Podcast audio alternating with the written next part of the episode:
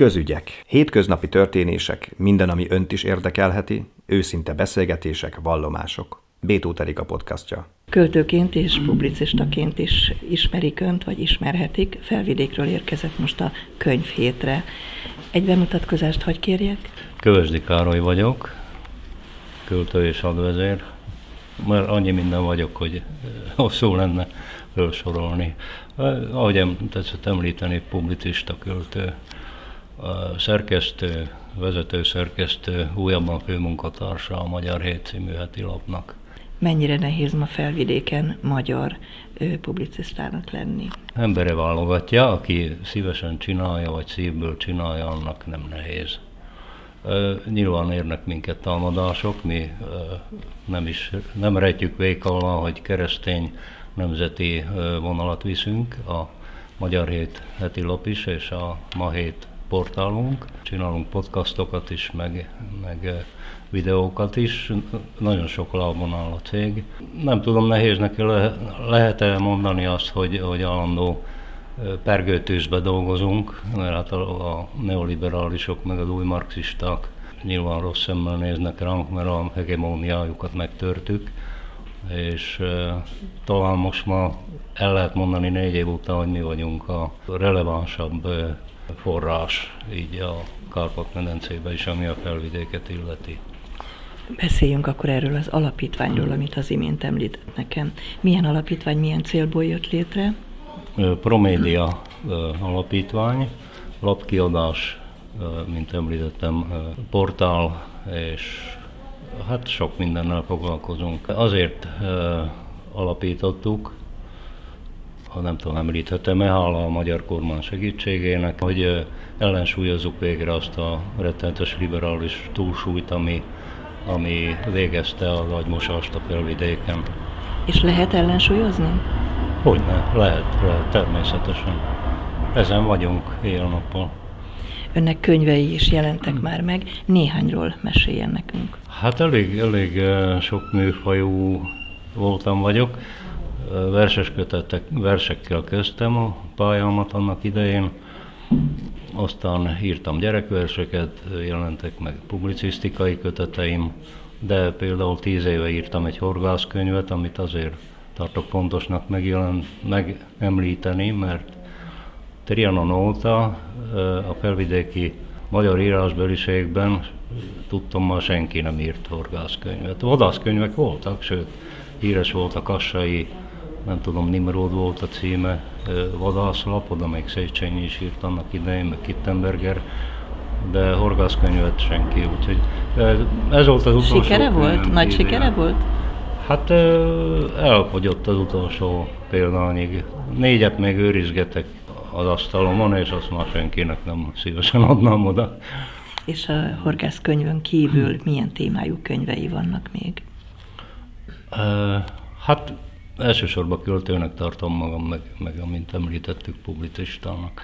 Könyv, versek, verses kötet. Most készül egy verses kötetem, majd ősszel fog megjelenni. Készült egy hanghordozó, a gyerek verseimet megzenésítette Balla Igor barátom, hát annak is tíz éve. Megalakult a Kobold zenekar, persze ők aztán elkezdtek más versekkel is foglalkozni, de nagyon sokat köszönhetek neki, mert így a, a felvidéki és részben magyarországi gyerekek több ezeren jutottak hozzá a verseimhez a élő koncerteken, sőt én is részt vettem koncerteken, ott bohóckodtam a zenészekkel, de nagyon élveztem. Mit szól ahhoz, mint felvidéki költő, író, hogy Miskolcon van egy felvidékház? Hát mindennek már régen meg kellett volna lenni, mint ahogy a, a, a Magyar Hétnek is rég meg kellett volna lenni. De hát eh, tudjuk, hogy a magyar kormányt mennyi, mennyi nyomás éri, meg, meg eh, mennyi kihívásnak kell megfelelni. Ha egy kicsit politikát beleszőhetjük, sokan nem is értik, hogy miért nem jut erre, arra, miért így van, miért úgy van. Az embereknek fogalmuk sincs, hogy, hogy milyen nyomás alatt van a magyar kormány. Megnyugtató, hogy mindig Václav Klaus egykori cselnök jut eszembe, aki azt mondta a rendszerváltás után, lefaragták a kultúrára szánt támogatást, hogy amikor festjük a házat, akkor a könyvespolcot kitesszük a balkonra. Ezzel szemben azt hiszem Churchill mondta azt, hogy azért háborúzunk, hogy a kultúránkat megvédjük. Szóval mindennek van valami célja. Azért is örülök, hogy van felvidékház, délvidékház, nem tudom mennyi van belőlük, öt, ha, ha jól tudom. Öt ágúsíp, igen, hogy ne. Úgyhogy hogy nagyon, nagyon jó dolog. Jó kezdeményezésnek tartom, és nagyon hasznosnak azt, hogy, hogy van felvidékház, és itt, itt összegyűlhetnek azok az emberek, akiknek főleg itt Borsod megyében, nehezen arra a szám, mert itt valamikor Gömör megye is volt. Most meg már Borsod vár megye. Csináltak egy, igen, Borsod, Aba új szempel, én nem tudom miért. Mindegy a régi időkben ezt így tartottak. Jó kezdeményezésnek tartom, és nagyon hasznosnak azt, hogy, hogy van felvidékház, és itt, itt összegyűlhetnek azok az emberek, akiknek főleg itt Borsod megyében, nehezen arra a szám, mert itt valamikor Gömör megye is volt. Most meg már Borsod vár megye. Csináltak egy, igen, Borsod, Aba új szempel, én nem tudom miért. Mindegy a régi időkben ezt így tartottak jónak, hanem is természetes. Szóval örülök, hogy az itt élő emberek számára kinyílt egy kapu a felvidék felé. Meg hát a felvidéki magyarok számára is. Visszaverza, igen, igen. Mennyien vannak még most ott felvidéki magyarok, akik igazából beszélik és ápolják a magyar nyelvet? Hát az utolsó népszámlálás szerint 2021-ben volt, most nemrég, 560, 557 ezer, nem tudom, nem emlékszek pontosan, szóval 550 ezer fölötti szám jelennek hivatalosan a statisztikai hivatal szerint, de szerintem többen vannak, de hogy is félmillió alatt van hivatalosan, de szerintem több mint félmillió, mert ez, ez mindig úgy van, hogyha történik egy határváltozás, vagy, vagy impériumváltás, akkor egyszeribe nagyot változnak a számok. A lappangó magyarok mennyisége, csúnya szóval, elég, elég magas szerint. Mit jelent ez, hogy lappangó magyarok? Hát akik nem merik, vagy nem akarják bevallani a magyar nemzetiségüket. Milyen hátránya származik abból valakinek ott a felvidéken, ha vállalja a magyarságát? Szerintem semmi, hogyha van gerince az illetőnek, meg tud küzdeni az igazáért, akkor semmi. Persze a napi, a napi gyakorlati életben vannak, vannak hátrányok természetes. Na de hát azért az úgy volt, nem, hogyha valaki fölvette a magyar állampolgárságot, ja, akkor elvették tőle a szlovák állampolgárságot. Hát az most is így van.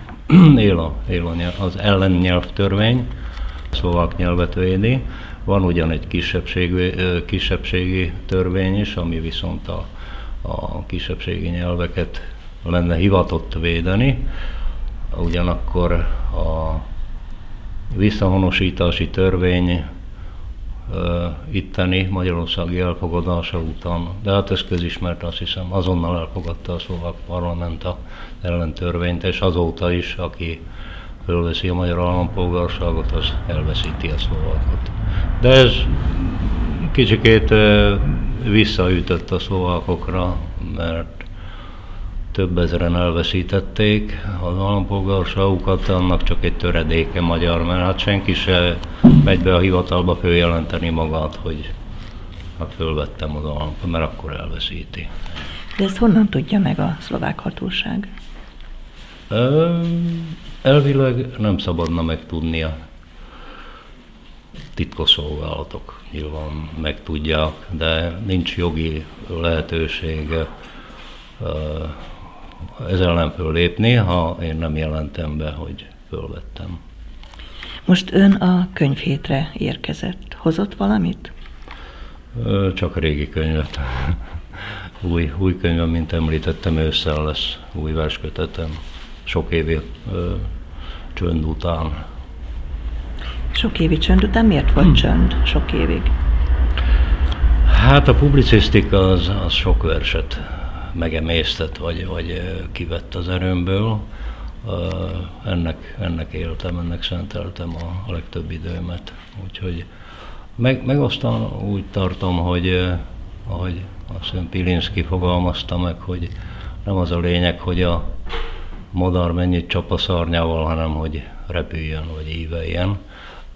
Pár éve jutottam el oda ismét, hogy ha nem kezdtem volna el írni verseket, kifakadt volna az oldalam, a Sütő András mondta ezt valamikor így.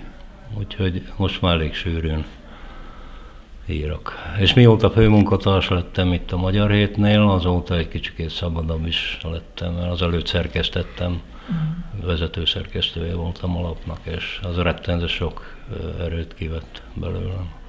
Sokan vannak alapnál? Hát egy olyan, az egész, az egész cégnél a 30 fős csapat, nem tudom pontosan. Egy maroknyi kis csapat, de azt hiszem, hogy megdolgoznak a pénzükért. Kell írnom, van egy penzumom, havi, havi 12 cikket le kell adnom, így egyeztünk meg. Tegnap arról, arról írtam, hogy amikor Jamie Lee Curtis közismert a, a Oscar átadón bejelentette, hogy milyen büszke a magyar gyökereire, akkor döbben csönd szakadt a teremre, és, és úgy elgondolkodtam, hogy vajon mi lehet az oka annak, hogy ennyire hát utalnak bennünket, gyűlölnek, vagy, vagy egyszerűen lenéznek bennünket magyarokat a világban, de hát szerencsére ez nem így van. Viszont vissza, visszaemlékszik az ember arra, hogy Kossuth Lajost milyen üdvrivalgással fogadták a tengeren túl, és hova jutottunk napjainkig, akkor, akkor végig kéne gondolnunk, hogy mi az oka ennek, de az ok egyszerű. A pozsonyi csata óta egyszerűen idegentest vagyunk Európa közepén, és nem is kell törekednünk arra, hogy, hogy szeressenek bennünket. Ez vonatkozik a brüsszeli vízfejre is. Nem biztos, sőt, biztos, hogy nem kell megfelelnünk nekik, mert az, az a halálunkat jelenteni. Fogadjanak el bennünket olyannak, amilyenek vagyunk. Az, az lenne a tisztességes, normális Európa, ahol minden nép éli a maga identitását, szokásait, terveit. Hát a nemzeti identitását már sok ország elveszítette. Hát Isten mentsen meg, akkor végünk van, ha azt elveszítjük. Beszélek sokat Európáról, aztán kaptam egy Európa érmet tavaly kitüntetést, amit magyar alapítású nemzetközi díj, Szutarski, meg Deakernő Bécsből, meg így minden évben kap valaki ilyet. Pont azért, mert borzasztóan izgat Európa sorsa, és nem tudunk leválni, nem, nem is tudhatnánk leválni Európáról. Hát itt hát vagyunk itt, Európa közepén. Mi vagyunk Európa, Úgyhogy ne oktassanak minket. Nem is tudom, milyen nemzetiségű fickó leültetik, letölti a, a házi fogságot, aztán bemegy szavazni a Európa Parlamentben a magyar jogállamiság elmarasztolásáról. Hát csókolom századokon keresztül a magyarságot a kultúra tartotta meg, amikor az ország három részre szakadt, amikor török hódoltság volt, Habsburg elnyomás volt, mindig akadtak tolkorgatók, papok, egyházi irodalom, a világunk a nép mély rétegeiben ott buzgott állandóan, mint a, a lefolytott forrás, és mindig előtört, és mindig, mindig vitte, vitte előre a magyarságot, és azt hiszem ebben van a megmaradásunk kulcsa. Tóth László vagyok, a Felvidék ház megkívására jöttem Miskolcra. A gondolatkiadó jelentette meg az legújabb verses kötetemet. Az a címe, hogy Rossz napok, kicsit jellemzőnek sikerült, és van a kiadónál egy próza kötetem is, az pedig a világ közepe címmel jelent meg. Csak nem Magyarországról szól. Kérem? Csak nem Magyarországról szól. Ha, nem, rólam szól. De természetesen van benne szülőföldi, szülőváros és Magyarország is. Tehát ez a próza kötetemben tulajdonképpen 50 év prózáit, próza kísérleteit és drámáit, vagy dráma kísérleteit gyűjtöttem össze. Az egyik drámai szövege, azt annak idején még a Kassai Itália Színház be is mutatta az áldozat címmel. Ez egy köműves Kelemen ballada parafrázis, tehát azt dolgoztam fel, azt gondoltam végig, hogy mi történik, hogyha mi történne, ha a kömöves kelemennek az építő áldozat után, és újra ledőlne a fala. És Tehát, mi történne akkor? Ö,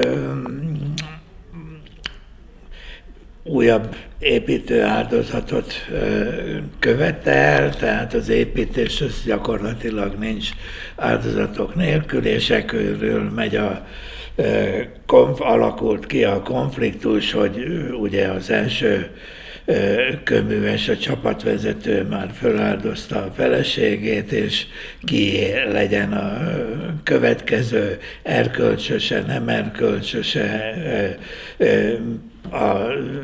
az emberélet, vagy pedig a munka eredménye a fontosabb, a kiállás, a helytállás, tehát tulajdonképpen ilyen örök parabolisztikus kérdések között, körül bonyolódik.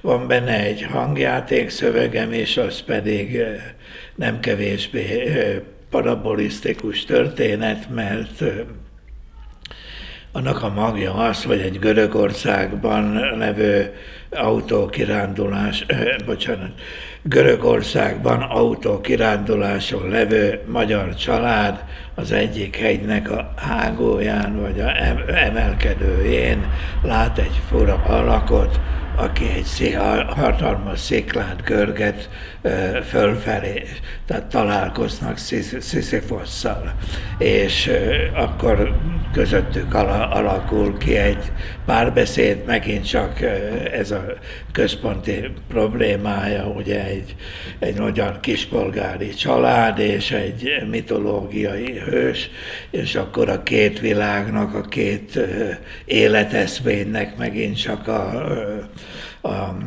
hogy mondjam, a jólét előnyeinek a élvezése és a, és a vállalás és az örök küzdelemnek a, a összecsapása, tehát ilyen botorságokon gondolkodtam fiatalkoromban. Úgyhogy.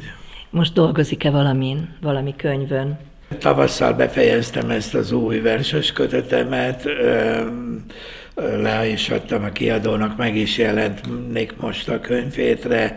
Ez öt évvel ezelőtt jelent meg a legutóbbi verses kötetem, az volt a címe, hogy Wittgenstein szóvivője, ugyane, ugyanennél a kiadónál, ugye a Wittgensteinnek van egy alap mondása, vagy hogy is van, hogy amiről nem lehet beszélni, arról hallgatni kell, és én ezt megfordítottam, hogy a, amiről hallgatni kell, arról beszélni kell, és az, azóta eltelt öt esztendő alatt írt verseimet gyűjtöttem össze, ez egy ilyen vékony, alig százoldalas könyvecske, tehát nem vagyok túlságosan termékeny, viszont a címe is jelzi azt, vagy jellemzi azt, a, azt az időszakot,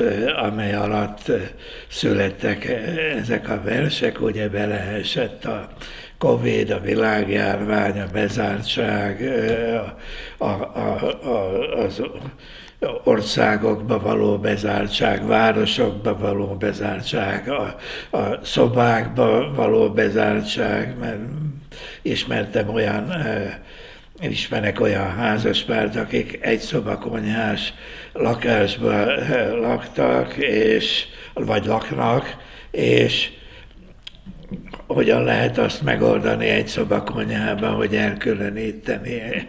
A egyik a szobában, a másik a konyhában. A szobában, a másik a konyhában, aki a konyhában volt, az adta be, letette a szobahajtó el, és hát ilyen abszurd helyzeteket eh, kínálnak a napjaink.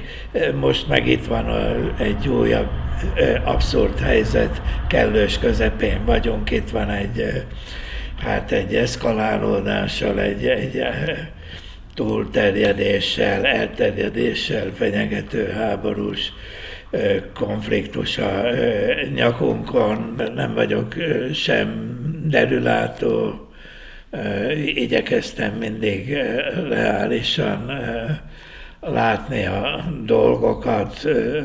Csak azt tudom mondani, hogy mit kívánok, vagy mit kívánnék és mit? Hát először is azt, hogy én 74. évenben vagyok, tehát ezt a hátralevő néhányat én ezt már akárhogy kibírtam, de hál' is, kibírom, de hál' Istennek az életemet sikerült háború nélkül leélnem, míg a szüleim vagy a nagyszüleim azok kettőbe, de hogyha a 45-48 közötti szlovák, csehszlovák eseményeket is beleveszük, akkor a három ilyen nagy konfliktusba is beleestek. Hát azt kívánom, hogy a családom is ússza meg háború nélkül. Bétó Erika beszélgetését hallották.